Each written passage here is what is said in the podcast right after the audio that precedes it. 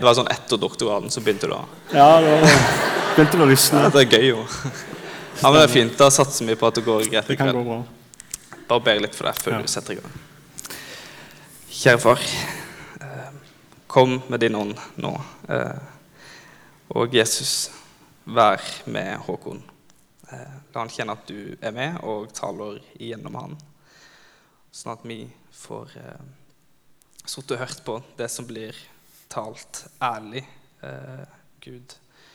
Og ja, ta vekk det som, ikke, eh, som vi ikke skal høre og ta til oss. Mm. Legger Håkon i dine hender. Amen. Takk.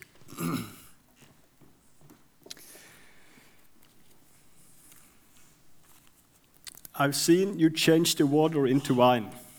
I've seen you change it, it back to water too, synger Leonard Cohen. Det er ikke helt enkelt å si hvem eller hva Cohen synger om i den sangen som vi nettopp hørte. Men bildet han bruker, det er åpenbart fra Johannes evangeliet kapittel 2 og bryllupet i Kanaan, som er en fantastisk historie. En tekst som har flere lag av mening, men som allerede på en rask gjennomlesning av teksten så vekker det gode assosiasjoner. Vi skjønner at her er det noe godt som skjer. Og Det er mulig å leve seg inn igjen. Hvor leit og pinlig det må ha vært for denne bryllupsverten å gå tom for vin, gå tom for drikke, midt under festen. Kanskje ikke verdens undergang, vil noen si, men iallfall kjedelig og pinlig nok for en vert. Men så kommer Jesus. Så griper han inn, og så gjør han alt godt, sånn at festen kan fortsette, og sånn at historien kan avsluttes.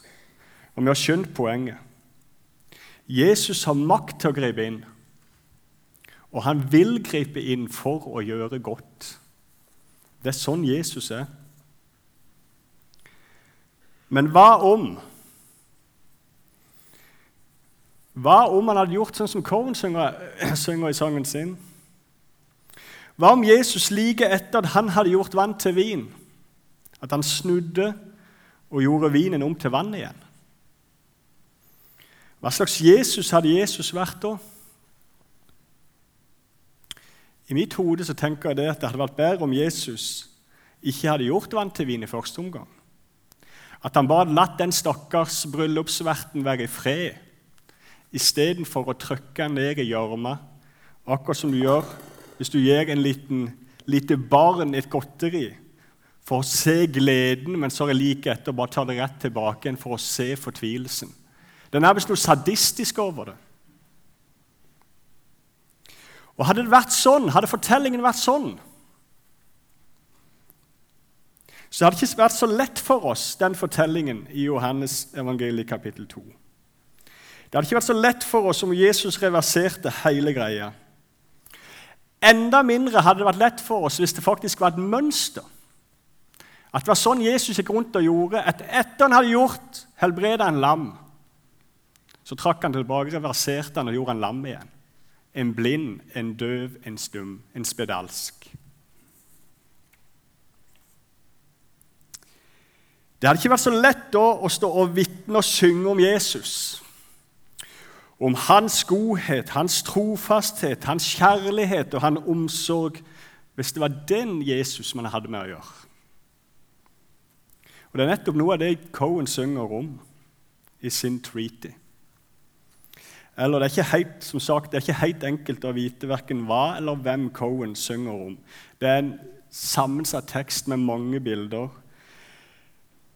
Og Det kan godt være at den best forstås bare som en beskrivelse av en kjempevanskelig mellommenneskelig kjærlighetsrelasjon. For vi vet det, de fleste av oss antar jeg, at kjærligheten kan på den ene sida gjøre ufattelig godt. Men så kan det også gjøre fryktelig vondt. Den som har opplevd kjærlighetssorg, vet litt om det. Noen av det som gjør mest vondt, er at den kjærlighetssorgen er så spenningsfullt. På den ene sida så er det en intens lengsel etter den andre. En intens lengsel etter respons, etter å bli elska igjen, og etter et bevis, et håndfast bevis på at man er elska tilbake. Og så kan man slite seg helt ut. Og han er villig til å ofre alt for at lengselen skal bli møtt, og for et håndfast bevis på at kjærligheten blir møtt av den andre. Og Samtidig, fordi man ikke får noen respons, og fordi lengselen blir så intens, så kjenner man også et intenst behov på bare å gi slipp. Men kjærligheten holder så fast at man klarer ikke å gi slipp. Kjærligheten til den andre blir som en slavedriver som påfører uendelig mye smerte, men som du ikke klarer å bli fri ifra. Det er en spenning mellom lengselen etter den andres blandet sammen med en lengsel etter å bli fri fra den andre. Så er det det som er kjærlighetssorgen. Så er det kanskje det Leonard Cohen synger om. Det er den andre ikke bare en som gjør vann til vin, og som du lengter etter, og som du elsker, og som du oppsøker. Men det er plutselig en som gjør vin om til vann igjen, og som gjør så forferdelig vondt. Men denne sangen til Cohen kan også forstås som et rop til Gud. Som Cohens rop til Gud. Og som en beskrivelse av Cohens forhold til Gud.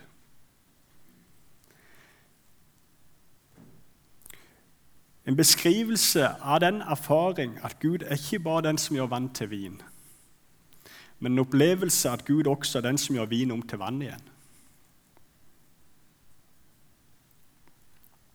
En beskrivelse av en Gud man aldri helt får taket på. En Gud man ikke er trygg på. Samtidig som det er en intens lengsel etter Gud, så er det en fortvila lengsel. Fordi det bare forblir en lengsel. En lengsel som aldri oppfølges, som aldri imøtekommes. Og så kjenner han på det at det var bedre om vi bare ga slipp på hele greia. For som en har sagt Lengselen etter Gud kan bli så intens at man skulle ønske at Gud aldri eksisterte. For da har han vært fri hele greia. Kanskje du syns det jeg nå har beskrevet, høres helt sprøtt ut. Helt fremmed. Kan noen ha det sånn? Kan noen ha et sånt forhold til Gud? Ja, det går faktisk an. Og jeg vet det bl.a. fordi du finner sånne, sånne forhold til Gud beskrevet i Bibelen. Vi finner sånne vitnesbyrd i Bibelen. Og Jeg tenkte det, at kanskje det kunne være litt trøst for en og annen.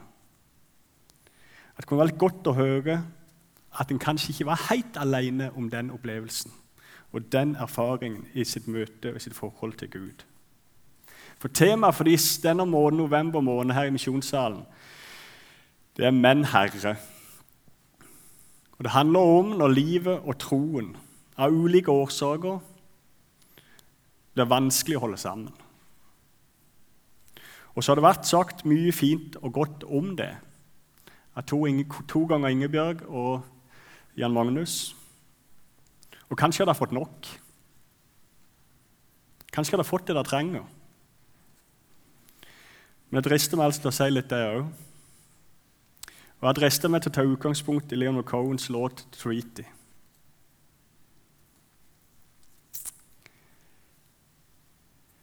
For det jeg har lyst til å si noe om, det er Uansett hva det måtte være i livet, så kan det være at noen blir fått inn i et sånt forhold til Gud som Leonard Cohen beskriver. Og så vil det for andre høres helt vanvittig ut, helt fremmed ut man kjenner seg ikke igjen i det hele tatt. Man er så trygg, man er så sikker, man kjenner det så godt at Gud er god, omsorgsfull, kjærlig, trofast og pålitelig. Gud er den Gud som gjør vann til vin, og han endrer ikke det. Sikkert for de aller fleste der så kan, har dere det kanskje sånn. Det var en hjemme der jeg vokste opp. Vokste opp på ei lita øy. En gammel mann som hadde sin egen finurlige eh, gjengivelse av Salme 23. Jeg kjenner kanskje noe av Salme 23. Det begynner med 'Herren er min hyrde, jeg mangler ingenting'. Og så avslutter det med 'Bare godhet og miskunnhet skal etterjage meg alle mitt livs dager'. Og så var det Kåre Heidan, så var det han Kåres gjengivelse av dette siste leddet var sånn. Gud har jagt etter meg hele livet, bare for å gjøre godt mot meg. Og det var et sant vitnesbyrd. Det var sånn forhold han hadde til Gud. Og det var en sånn erfaring han hadde av Gud. Gud hadde jagt etter han hele livet bare for å gjøre godt mot han. Det var ikke sånn at livet hans bare hadde vært en dans på roser. Det er det for de færre av oss, færreste av oss. Men for Kåre så var det noe som var så mye større enn livets oppturer og nedturer. Det var en urokkelig visshet og trygghet i at han var elska av Gud. Det kunne komme hva som komme vil for Kåre. Han visste han var elska av Gud. At Gud var god, at Gud ville han godt i livet. Derfor kunne han synge 'Jeg er i Herrens hender i alt som med meg skjer'. I smil og gråt jeg kjenner at Herren er meg nær. Om jeg i dype daler må gå den tunge vei, fra himmelens høye saler, hans øye følger meg. Gud hadde gitt Kåre Jesus. Han hadde gitt han troen, nåden, frelsen. Gud hadde gitt han så masse at han i takknemlighet for dette så Guds gode gaver i alt han så, og i alt han opplevde. Derfor takka han også for alt. Og For meg minner han Kåre da veldig egentlig om Paulus. Det var åpenbart ikke bare oppturer for Paulus. Det var ikke småting han opplevde. Han ble forfulgt. Ensom og forlatt ble han satt i fengsel og piska og slått. Og Til slutt leide han vel martyrdøden. Men han sier jo i Romerne 5.: Vi roser oss av våre lidelser. For lidelsen gir utholdenhet, utholdenhet et prøvet sinn, og det prøvede sinn virker håp. Jeg roser meg alt det vonde jeg opplever.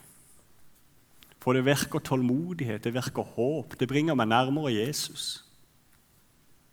Så det kunne komme hva som kommer vel for Paulus. Han var fast og trygg i at han var elska av Jesus. Og Det var det største for ham. Derfor ser han i Filipperbrevet kapittel 1, 29. For Kristi skyld fikk da den nåde ikke bare å tro på ham, men også å lide for ham. Paulus betrakta lidelsen som nåde. Det er en Guds god gave at jeg lider for Jesu navn skyld. Det er en vanvittig Jesusbegeistring. Det var den største ære for Paulus å bli Jesus lik. Og Da vil han ikke bare bli Jesus lik i livet, men han vil også bli Jesus lik i døden. For sånn som Jesus lei og døde for, Paulus skyld, så var det største som å skje for Paulus, det var at han skulle få lov til å lide og dø for Jesus sjøl. Så Paulus takker. I møte med, møte med, vanskelige ting i livet så takker Paulus. Så roser han seg av det. Og så er, for, så er for mange Paulus et ideal.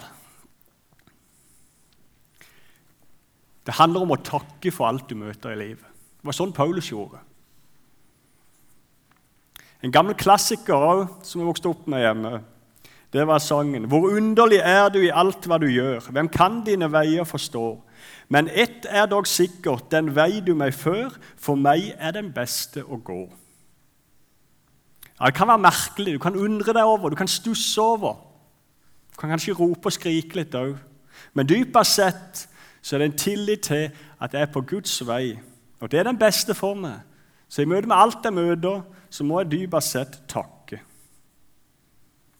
Han fører meg på sine veier.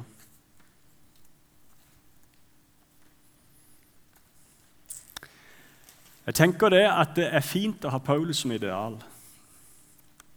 Men jeg tenker, òg at det er ikke bra å ha Paulus som mal for den rette responsen på lidelse og vanskeligheter i livet.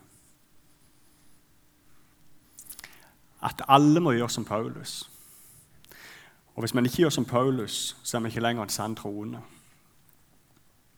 For Du skal være oppmerksom på én ting, som de tidligere lørdager har vært innom.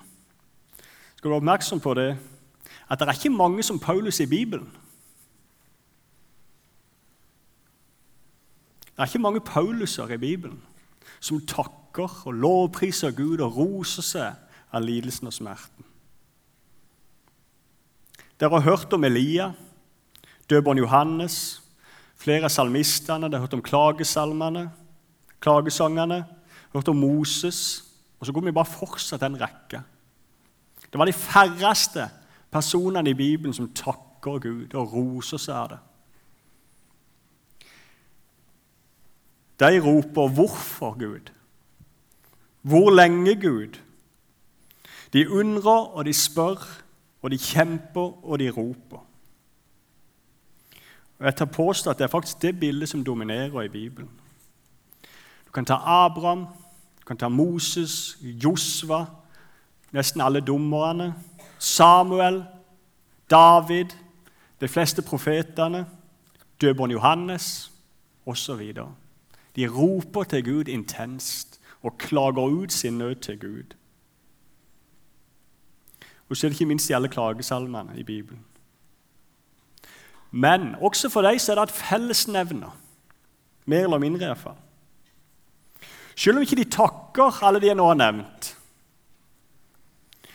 så er det sånn at hvis du leser om dem, så har de aller fleste av dem de, ut, de, eh, de uttrykker på en eller annen måte en slags grunntone av tillit og forventning til Gud likevel.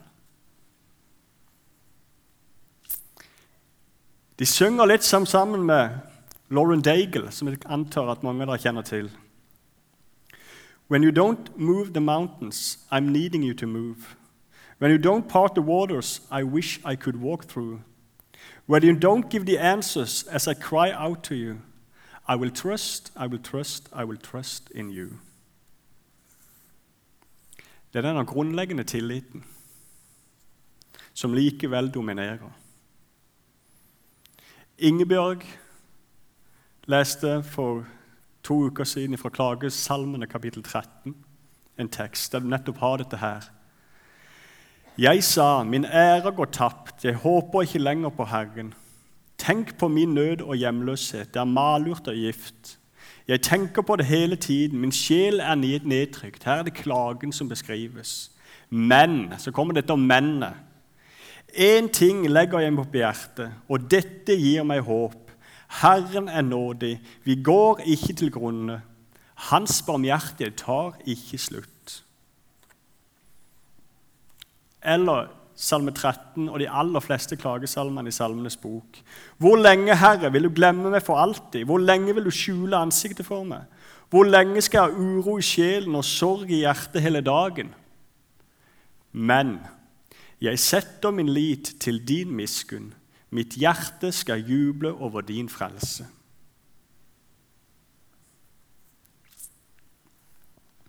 Felles for disse tekstene som jeg har sagt, det er en grunnleggende tillit til Gud. Han er trygg på Gud, en stoler på Gud. Trygg på at Gud elsker, trygg på at Gud vil en godt. Eller for å si som kone Han er trygg på at Gud er den Gud, og en sånn Gud, som nettopp gjør vann til vin. Som gjør godt.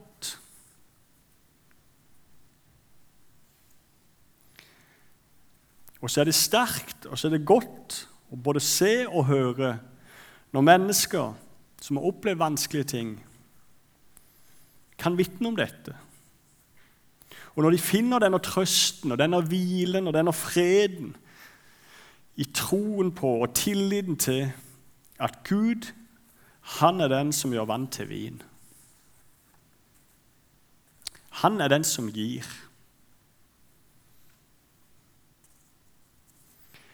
Men så er det desto vondere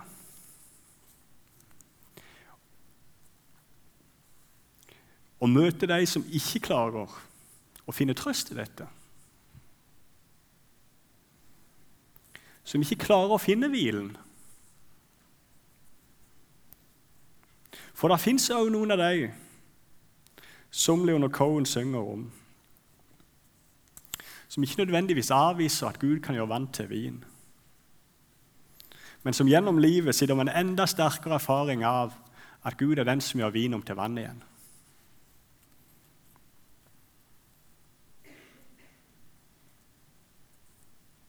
Man er rett og slett ikke trygg på Gud. Man vet ikke hvor en har Gud.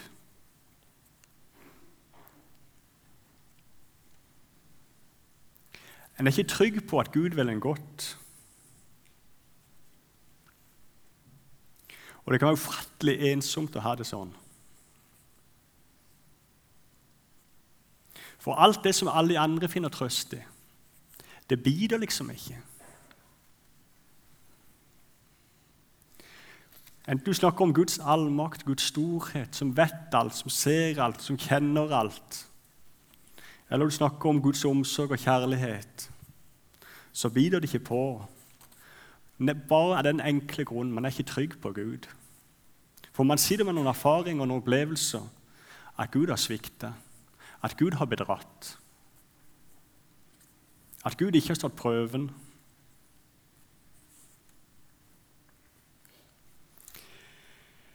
Hvis du har det sånn, så er det ikke bare Leonard Cohen som kan gi deg et språk til å sette ord på det. Du finner faktisk allierte i Bibelen sjøl. Og du finner det blant de største av de største. Du finner blant en av de største profetene i Bibelen, nemlig Jeremia. Og Av og til tenker jeg at Jeremia-boka ikke er for hvermannsen. Det er en ganske mørk bok. I den boka så tegnes det et bilde av en profet som gikk rundt i Jerusalems gater i overgangen fra 600-tallet til 500-tallet før Kristus. Han gikk rundt der og forkynte dom. Han forkynner at Jerusalem skal falle, at Jerusalem skal gå under.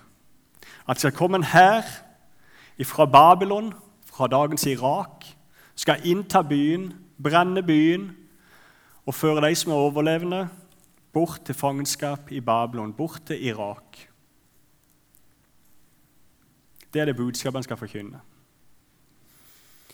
I utgangspunktet så hadde Jeremia sagt nei, takka pent nei til kallet om å bli en Guds profet. Han skjønte nok at det kom til å koste. Hvem vil forkynne et sånt budskap? Men Gud ga seg ikke. Og Gud ga Jeremia store løfter om at han skulle være med Jeremia. Se, jeg gjør deg i dag til en festningsby, til en jernstøtte og en bronsemur. Jeg er med deg, jeg skal berge deg, du skal stå støtt. Så går Jeremia. Så forkynner han det budskapet han har fått fra Gud. Problemet for Jeremia er bare at dommen ikke kommer. Det ene året etterløser det andre, men babylonerne kommer ikke. Ja, det ene tiåret etterløser det andre tiåret, men det kommer ikke. I stedet ble Jeremia spotta, håna og forfulgt pga. sitt budskap.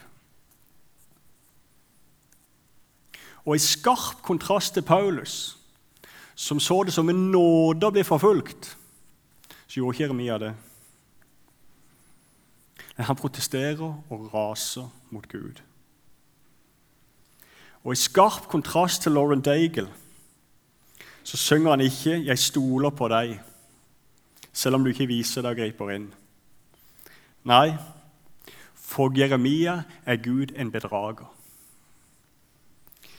Og han roper ut til Gud.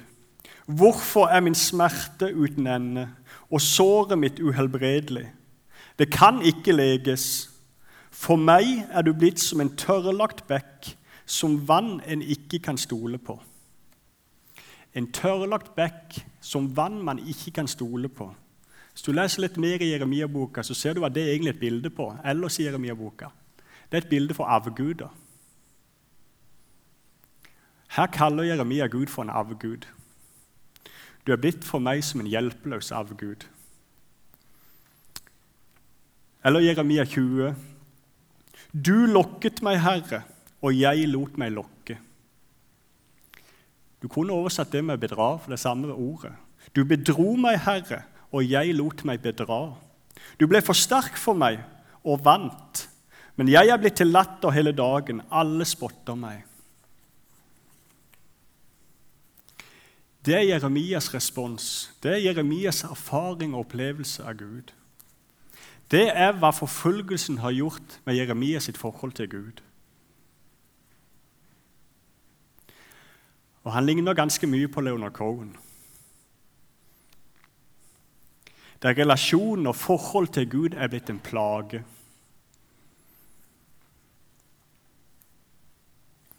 For selv om det er en dyp lengsel etter Gud hos Jeremia,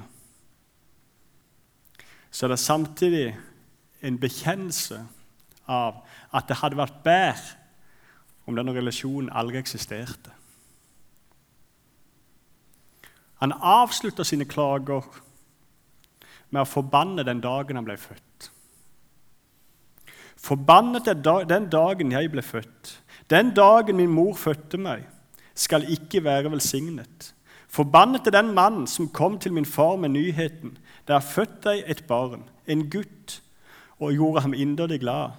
Ikke, forbannet er han fordi han ikke drepte meg i mors liv, så min mor kunne bli min grav og alltid gå med barn. Hvorfor kom jeg ut av mors liv? For å se sorg og, en, og ende mine dager i skam. Det var bedre om alt var slutt. Eller det var bedre om ikke det var påbegynt i det hele tatt. Noe lignende finner de i Salme 39. Avslutning på Salme 39 er sånn Jeg er en hjemløs hos deg, en fremmed. Vend blikket fra meg. Da lyser jeg opp, før jeg går bort og ikke er mer.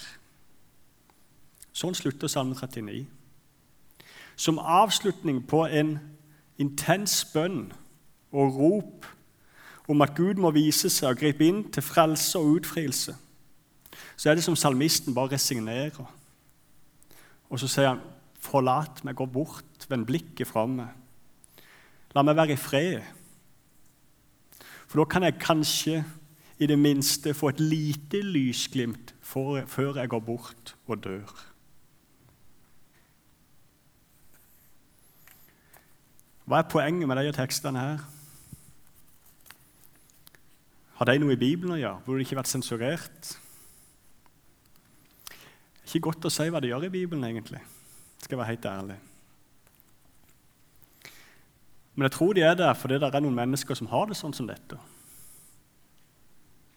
Det er en del mennesker som ikke klarer å synge, men når dere synger 'Løftene kan ikke svikte', nei, de står evig fast. Det er noe som har en ganske sterk opplevelse at løftene har svikta i tusentall. Hvorfor er det sånn? Hvorfor opplever noen noe sånt, et sånt mørke? Jeg veit ikke. Men jeg vet at det er veldig mange forskjellige veier inn i det. Og det er mange som har vært der. Så vet jeg to ting til, og det er det jeg har tenkt å dele med dere. For det første For de som opplever et sånt mørke, så handler det ikke om hvor mye smerte og lidelse man har opplevd. Det er ikke det som er testen, det er ikke det som er liksom kriteriet for å komme inn i et sånt mørke. Det er mange som har opplevd ufattelige ting i livet men som likevel kan synge med Lauren Daigle I will trust, I will trust in you. Ja, Paulus Hva hadde ikke han opplevd? Og han takte.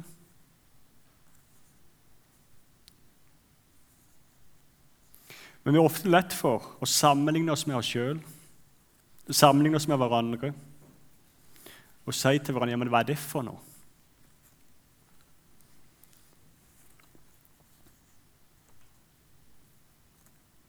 Det hjelper sjelden å sammenligne seg med andre. Det legger snarere bare stein til byrden.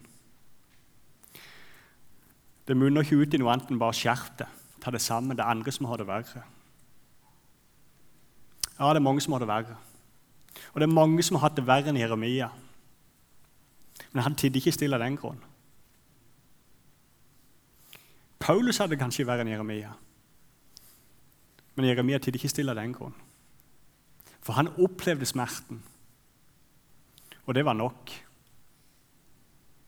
Han brydde seg ikke om å sammenligne seg med andre. Så slutt å sammenligne deg med andre. Det andre punktet det er at noen kommer inn i et sånt mørke. Det handler ikke om mangel på tro.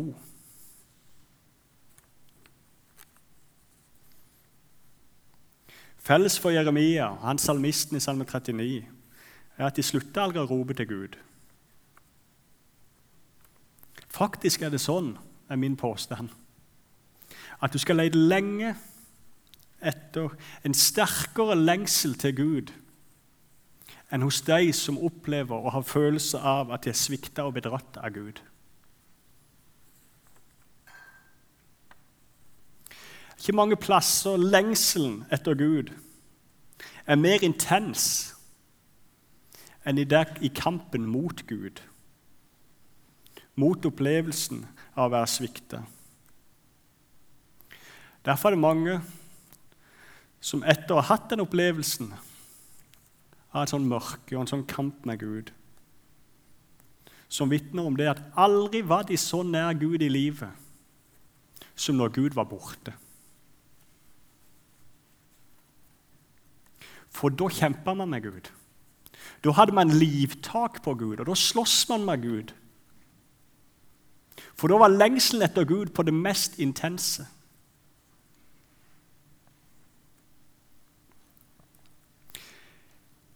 Og da tviholdt man på at det skal være sant at i hvert fall noen av Guds løfter ikke skal svikte at det på en eller annen måte, på et eller annet tidspunkt, likevel skal vise seg at Gud elsker. At det likevel skal være sant at han har vist oss denne kjærligheten i Jesus Kristus. Og Man gjør sånn som Abraham beskrives i Romane 4, et av mine favorittvers. Mot håp trodde han, med håp, står det. Der det ikke fantes håp, der alt håp var ute, der hadde ikke Abraham noe annet å gjøre enn å håpe mot håp.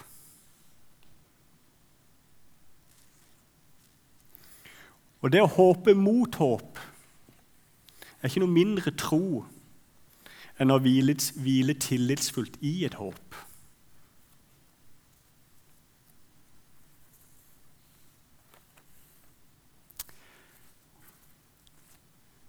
Så selv om det kan gjøre aldri så vondt, og selv om forholdet til Gud kan være aldri så ødelagt og herja med i et sånt mørke, så jeg har lyst til å avslutte med en lite sitat fra en som har opplevd det, og som har sagt noe om det. For vi frykter ofte dette mørket og tenker at det er noe veldig fælt. Og ja, det er fælt. Det oppleves fælt. Men så sier jeg noe Mørket er ikke bare en fiende. Det er også en venn.